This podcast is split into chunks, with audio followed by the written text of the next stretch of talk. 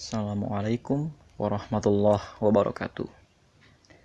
Rekan-rekan sekalian, di bagian kedua ini saya akan menjelaskan lebih jauh lagi babak kedua dari perang Uhud. Karena pertempuran Uhud ini berbeda dengan perang Badar, dia terjadi dua babak. Babak pertama tadi pasukan Islam itu menang, tapi kemudian dihajar balik. Nah, babak kedua ini adalah babak ketika Rasulullah Shallallahu Alaihi Wasallam terdesak dan begitu terpukul sampai kemudian terluka. Nah, di kajian yang pertama kita sudah mendengar bahwa pasukan Rasulullah Shallallahu Alaihi Wasallam terpisah dua. Jadi bagian pertama yang terpisah agak jauh dari Rasulullah, mereka tidak bisa mendengar komando Rasulullah. Di antara mereka ada Mus'ab bin Umair, Hamzah bin Abdul Muthalib, Sa'ad bin Abi Waqqas dan juga kemudian uh, di sana itu ada juga eh, orang-orang uh, seperti Anas bin Athar dan lain-lain. Dan rekan-rekan sekalian, sebagian di antara mereka ya kemudian bersikap cepat. Sebagian di antara mereka ini ngeh, nyambung. Loh, ini gimana dengan Rasulullah? Gimana kabarnya Rasulullah? Jadi sentral pasukan perang pada saat itu ada yang sudah fokus menyelamatkan diri, lari dari medan perang, ada juga yang kemudian ngeh pikirannya cepat. Tuh, ini gimana dengan Rasulullah ini? Mereka dengan cepat mencari Rasulullah karena percaya Rasulullah tidak akan semudah itu e, terbunuh. Nah, kemudian e, pergilah beberapa puluh di antara mereka, dia mencari Rasulullah, mundur ke medan perang yang satunya lagi. Karena kan terbelah dua ini kan, gara-gara tindakannya Khalid bin Walid karena terbelah dua, maka pasukan yang tadi dihajar habis-habisan sebagian memisahkan diri dan kemudian mencari di mana Rasulullah Shallallahu Alaihi Wasallam. Mereka berlari. Dan kemudian rekan-rekan sekalian, ternyata pasukan yang sekarang kita berpindah lagi kepada medan perang yang sentralnya adalah Rasulullah Shallallahu Alaihi Wasallam. Rasulullah dengan pasukan-pasukan yang tersisa, beberapa belas saja di antara mereka, berjuang berusaha keras naik ke atas bukit Uhud di tempat yang sudah disediakan. Akan tetapi rekan-rekan sekalian, ternyata ketika Rasulullah Shallallahu Alaihi Wasallam itu mundur, ada sebuah lubang jebakan yang sudah disiapkan oleh orang-orang Quraisy dan Rasulullah terperosok ke dalam sana. Ketika Rasulullah Shallallahu Alaihi Wasallam terperosok ke dalam sana dalam kondisi luka berat, gitu ya, karena Rasulullah itu sudah tertebas pedang beberapa kali, dan kemudian Rasulullah itu sempat pingsan, ya, bukan pingsan tapi sangat lelah, gitu ya, sangat lelah. Kemudian dipapah berhasil naik dari lubang itu, dan kemudian Rasulullah Shallallahu Alaihi Wasallam didorong untuk bisa naik ke atas bukit Uhud. Dan bukit Uhud itu bukit batu gitu ya, bukit padasan batu keras gitu ya, bukit padasan batu. Dan eh, rekan-rekan eh, sekalian pada saat itulah ya eh, menyergaplah pasukan yang dipimpin oleh Khalid bin Walid, beberapa ratus orang jumlahnya. Nah, di situ rekan-rekan sekalian, di tengah usaha Rasulullah untuk bisa mendekat dan terus mendekat kepada bukit Uhud, kepada bukit batu Uhud Ternyata pasukan yang mempertahankan Rasulullah itu tinggal sedikit. Nah, di satu di, di, agak agak jauh ke depan gitu ya, agak jauh dari Rasulullah Shallallahu Alaihi Wasallam itu ada Nusaibah dengan keluarganya tengah bertahan. Nusaibah itu ya dalam sebuah cerita Nusaibah cerita. Ketika aku melihat pasukan Quraisy berbalik dan orang-orang Muslim pada saat itu meninggalkan uh, pasukannya, meninggalkan medan perang, Rasulullah Shallallahu Alaihi Wasallam berteriak, e, kau mau ke mana mau ke mana mau ke mana mau kabur eh, kaburlah takut pokoknya ya. Dan Rasulullah berkata weh kamu berikan perisaimu kepada Nusaibah berikanlah perisaimu kepada orang yang bertahan di medan perang. Akhirnya beberapa orang di antara mereka melemparkan perisai dan perisai itu diambil oleh Nusaibah. Dan Nusaibah membuang e, air dan membuang juga e, perban yang dia bawa dari tadi dan mengganti apa yang di tangannya itu dengan pedang. Nusaibah pada saat itu berperang di dekat anak dan suaminya. Suatu keluarga ini berusaha menahan pasukan musuh agar tidak menyerang Rasulullah Shallallahu Alaihi Wasallam. Rasulullah bercerita, kalau aku melihat ke kanan luar biasa pasukan uh, luar biasa Nusaibah ini. Kalau aku lihat ke kanan, di situ ada Nusaibah. Nah, begitu ada serangan musuh dari sebelah kiri, Nusaibah tiba-tiba sudah ada di sana. Begitu aku tengok ke kanan lagi, ketika di sana ada pasukan musuh, Nah, tiba-tiba Nusaibah sudah ada di sana lagi. Jadi Nusaibah ini begitu luar biasa bertahan dengan uh, anak dan suaminya. Sampai suatu ketika ternyata anaknya itu tertebas. Nah, ketika anaknya itu tertebas, ya uh, Rasulullah berkata kepada Nusaibah, itu Nusaibah, anakmu terluka. Nah, ketika Nusaibah selesai membalut perban anaknya, gitu ya, dan ternyata Rasulullah Shallallahu Alaihi Wasallam itu melihat, wahai Nusaibah, pria itulah atau e, orang itulah yang tadi melukai anakmu. Nah, segera oleh Nusaibah pasukan itu dikejar dan dilukai sehingga kemudian pasukan itu mengira Nusaibah itu laki-laki dan eh, laki-laki uh, itu pergi dari uh, dekat Nusaibah. Jadi pasukan itu tidak jadi menyerang Rasulullah Shallallahu alaihi wasallam. Jadi dari jarak jauh itu Nusaibah itu berperang tiada tara. Dan eh, rekan-rekan sekalian gitu ya, di situ ada seorang pasukan yang menggunakan kuda berhasil membacok bahunya Nusaibah sampai bahu itu agak copot ceritanya. Dan luka itu ternyata rekan-rekan sekalian sampai membuat Nusaibah itu agak cacat. Ya cacat. Jadi e, Nusaibah pada saat itu hampir saja kehilangan lengannya dan luka itu nanti akan terus membekas sampai Nusaibah menemui ajalnya nanti ketika pada saat e, Rasulullah Shallallahu Alaihi Wasallam sudah meninggal di tahun ke-10 Hijrah. Ini cerita perang Uhud kita tahu terjadi pada tahun ketiga hijrah. Jadi tujuh tahun ke depan luka itu masih membekas di bahunya Nusaibah. Saking kerasnya luka itu. Nah itu Nusaibah berhasil mempertahankan Rasulullah Shallallahu Alaihi Wasallam. Sementara di sekeliling Rasulullah pada saat itu ada dua sahabat besar dan tujuh sahabat Ansor. Dua sahabat ini adalah Abu Talhah dan Talhah bin Ubaidillah. Nah, dan juga pada saat itu datang Sa'ad bin Abi Waqqas yang tadi eh, Sa'ad bin Abi Waqqas itu berkelana di medan perang gitu ya. Keliling-keliling di medan perang tuh ya. Tugasnya korlap mungkin pada saat itu ya, semacam korlap. Nah, eh, kemudian tiga orang sahabat ini mempertahankan Rasulullah Shallallahu alaihi wasallam.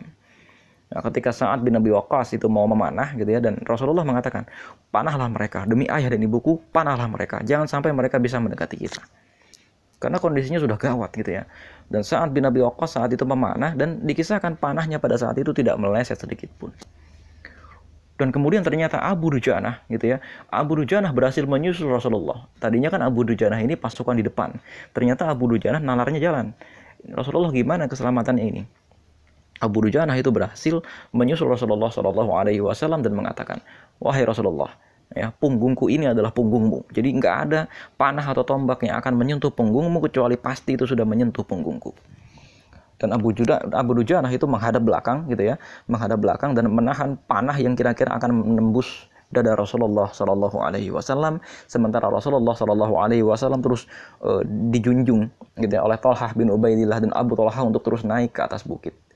Jadi saking beratnya pada saat itu sampai Talhah bin Ubaidillah uh, menunduk gitu ya untuk Rasulullah memijak punggungnya agar Rasulullah itu bisa naik ke atas bukit. Sementara itu, rekan-rekan sekalian, saat bin Abu Waqqas di depan Rasulullah itu telah mematahkan beberapa busur. Ya, jadi patah terus karena saking kencang itu ditariknya. Saking saat bin Abi Waqqas ingin panahnya itu lebih cepat dari panah biasa. Nah, rekan-rekan sekalian, itu di saat-saat yang terdesak seperti itu, ada ada tujuh orang sahabat Ansor yang dari tadi dengan pedangnya terus melindungi Rasulullah Shallallahu Alaihi Wasallam. Ini pasukan yang lain itu belum berhasil menyusul Rasulullah. Jadi ini baru satu-satu itu nyusul Rasulullah gitu ya.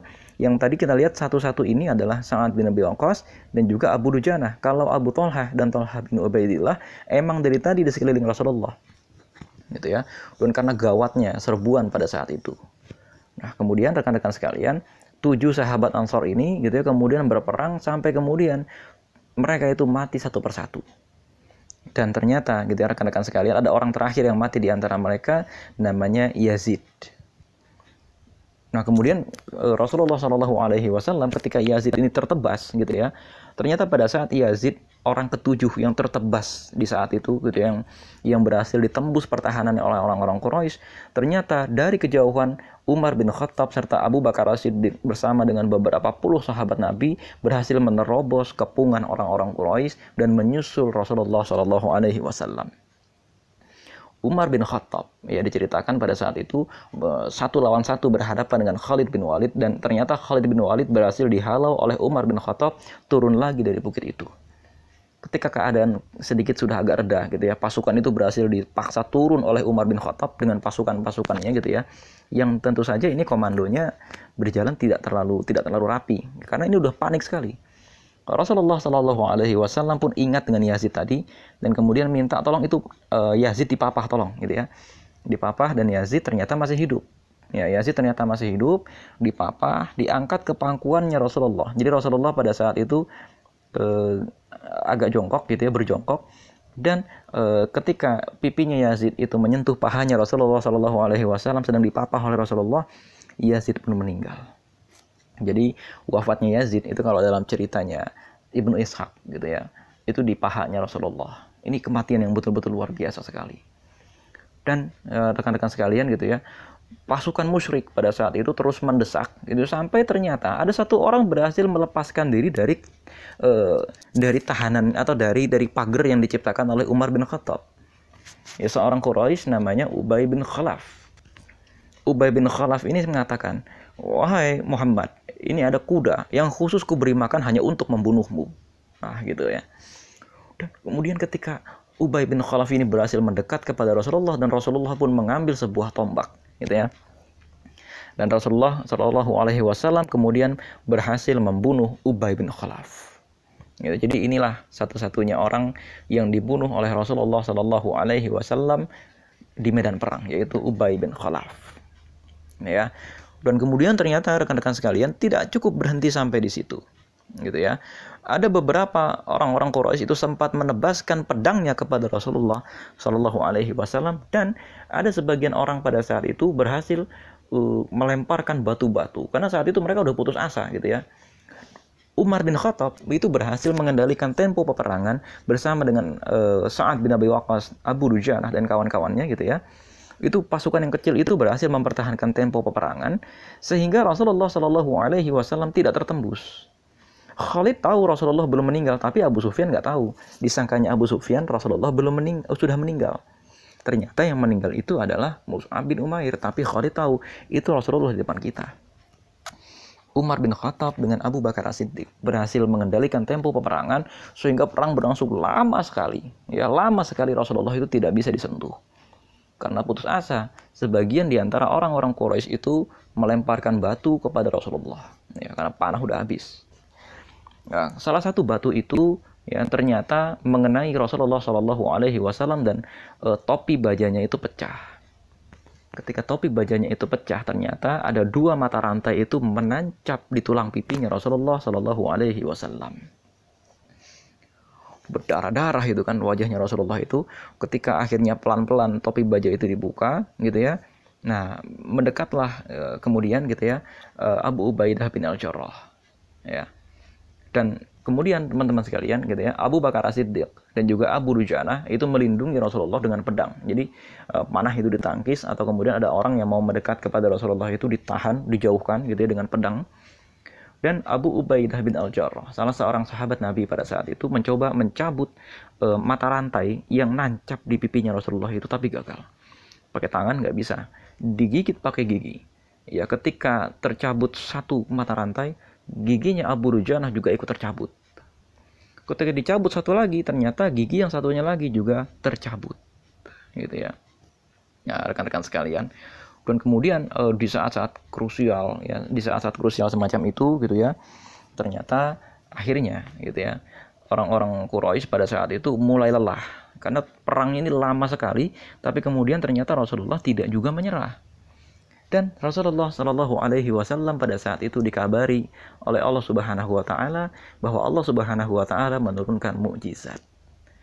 Nah, mukjizat ini adalah berupa rasa kantuk yang turun kepada orang-orang Muslim pada saat itu sebagai ketenangan. Tapi rasa kantuk ini tidak turun kepada semua orang. Rasa kantuk ini rupanya hanya turun kepada beberapa orang pada saat itu. Terutama misalnya Abu Ubaidah dan Abu Tolha. Yang sampai mereka mengatakan beberapa kali pedangku jatuh karena mengantuk. Jadi rasa takut itu dihilangkan dari hati mereka, diganti dengan ketentraman. Nah, ini seperti yang Allah Subhanahu wa taala firmankan dalam surat Ali Imran ayat 154. Nah, rekan-rekan sekalian gitu ya, singkat cerita gitu ya karena pasukan muslim ini sudah ternyata jauh lebih kuat gitu ya. Dan mereka pelan-pelan berhasil menyusun barisan. Dan ternyata ada salah seorang pasukan yang tadi di medan perang pertama tadi mencari di mana Rasulullah eh ketemu. Namanya Ka'ab bin Malik. Ngelihat tuh itu Rasulullah masih hidup itu. Dia teriak Rasulullah masih hidup Rasulullah masih hidup. Ada beberapa yang sempat dengar tapi kata Rasulullah jangan jangan jangan dibilang saya masih hidup.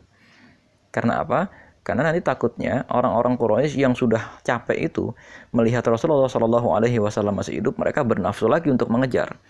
Karena posisinya yang tahu Rasulullah masih hidup cuma sedikit. Jadi daripada ini perang berkelanjutan terus, nanti takutnya akan kalah. Gitu ya. Jadi mendingan perang ini lebih cepat dihentikan saja. Karena kalau dihentikan dalam posisi ini kan seri jadinya ya, seri. Karena saat itu korban jiwa di matanya Rasulullah sudah melihat, ini korban jiwa sangat banyak. Ya, karena korban jiwa sangat banyak ini bahaya ini. Jadi mendingan perang segera dihentikan. Akhirnya gitu ya, pasukan Quraisy itu lama-lama minggir, lama-lama minggir, lama-lama minggir, mundur. Mereka ngerti gitu ya, tidak bisa membunuh Rasulullah dan dalam keadaan itu panglima besarnya yaitu Abu Sufyan belum tahu bahwa Rasulullah, Abu Bakar dan Umar itu tidak mati. Dan orang-orang Islam pada saat itu juga menepi, menepi dan lama-lama menyusun kembali barisannya. Ya. Nah, ketika peperangan sudah mulai agak reda, semua pasukan dibariskan gitu ya. Ini dalam kondisi tadi ya, perkemahan orang-orang Quraisy itu berantakan karena di babak pertama tadi kan sudah dihancurkan. Dan orang-orang muslim pada saat itu ternyata sekitar 70 orang itu meninggal di medan perang, syahid. Ya, kalau orang-orang Quraisy sekitar 22 orang syahid gitu ya. Nah, ketika pada saat itu gitu ya, orang-orang muslim mundur, mundur, mundur, mundur dan orang-orang Quraisy juga mundur.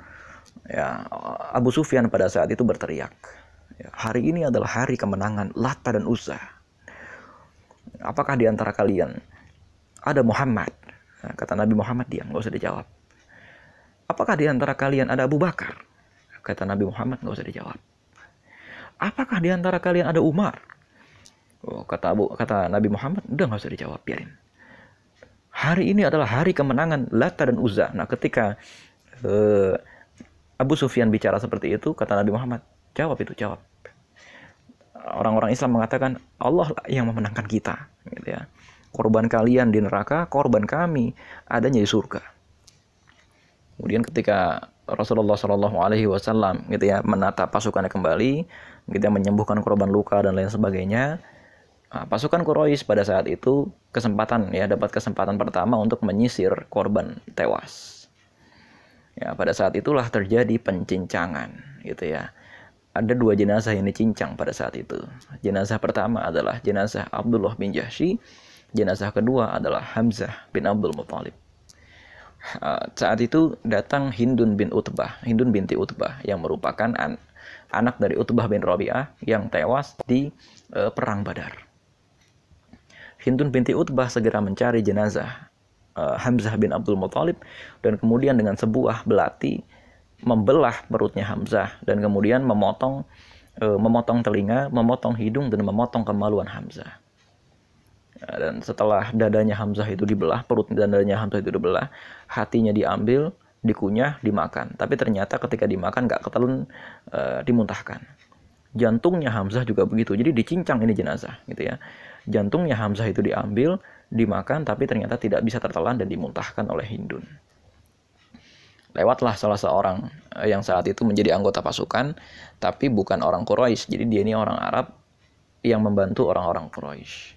Berkata dia, begitukah cara kalian memperlakukan saudara kalian sendiri yang mati di medan perang?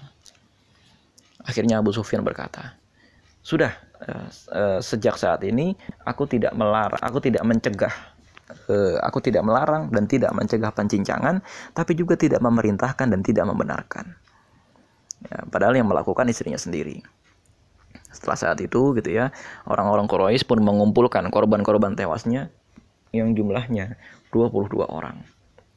Yang kemudian dalam sirah Ibnu Hisham ini dicatat dengan baik gitu ya.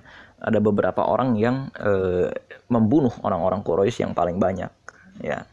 Man of the match gitu ya atau player ya MVP. E, eh, saat itu ada empat orang yang membunuh paling banyak atau lima orang yaitu Ali bin Abi Thalib, eh, Hamzah bin Abdul Muthalib, ya orang keduanya Hamzah, terus yang ketiga adalah Zaid bin Harithah, terus yang keempat adalah Abu Dujana. Yang kelima ternyata adalah Kuzman. Ya. Kuzman ini adalah orang yang ketika perang Uhud itu ternyata punya sifat munafik. Dia meninggalnya dalam kondisi luka-luka nanti beberapa hari ketika selesai dari perang Uhud. Nah, selain Kuzman, di antaranya juga Nusaibah membunuh beberapa orang. Selain Nusaibah juga Rasulullah Shallallahu Alaihi Wasallam sendiri membunuh satu orang. Dan ada beberapa korban lain yang tidak tercatat ini siapa yang membunuh gitu ya. Akan tetapi rekan-rekan sekalian singkat cerita itulah kisah perang Uhud. Sementara di pihak pasukan muslim sendiri yang gugur itu kira-kira sejumlah 70 orang termasuk di antaranya sahabat-sahabat terkemuka. Seperti Mus'ab bin Umair yang mengislamkan kota Madinah. Hamzah bin Abdul Muthalib. Dan kemudian juga ada Anas bin Adar. Abdullah bin Jahshi yang menjadi sebab ayat al-fitnatu akbaru minal qatl. Ya, jadi Abdullah bin Jahsy itu adalah salah satu sahabat yang menjadi sebab turunnya sebuah ayat dan Abdullah bin Jahsy juga termasuk sahabat yang berhijrah pertama kali. Dan eh, kakak iparnya Rasulullah Shallallahu Alaihi Wasallam karena adiknya eh, Zainab binti Jahsy adalah uh, istri dari Rasulullah dan juga sekaligus beliau adalah sepupunya Rasulullah Shallallahu Alaihi Wasallam dan banyak sahabat lain yang gugur di tempat itu. Jadi rekan-rekan sekalian, kira-kira itulah e, ringkasan cerita dari perang Uhud yang begitu luar biasa. Ya, yang begitu luar biasa. Nanti kita akan lanjut di sesi yang lain gitu ya, fase pendinginan setelah perang Uhud. Allah Assalamualaikum warahmatullahi wabarakatuh.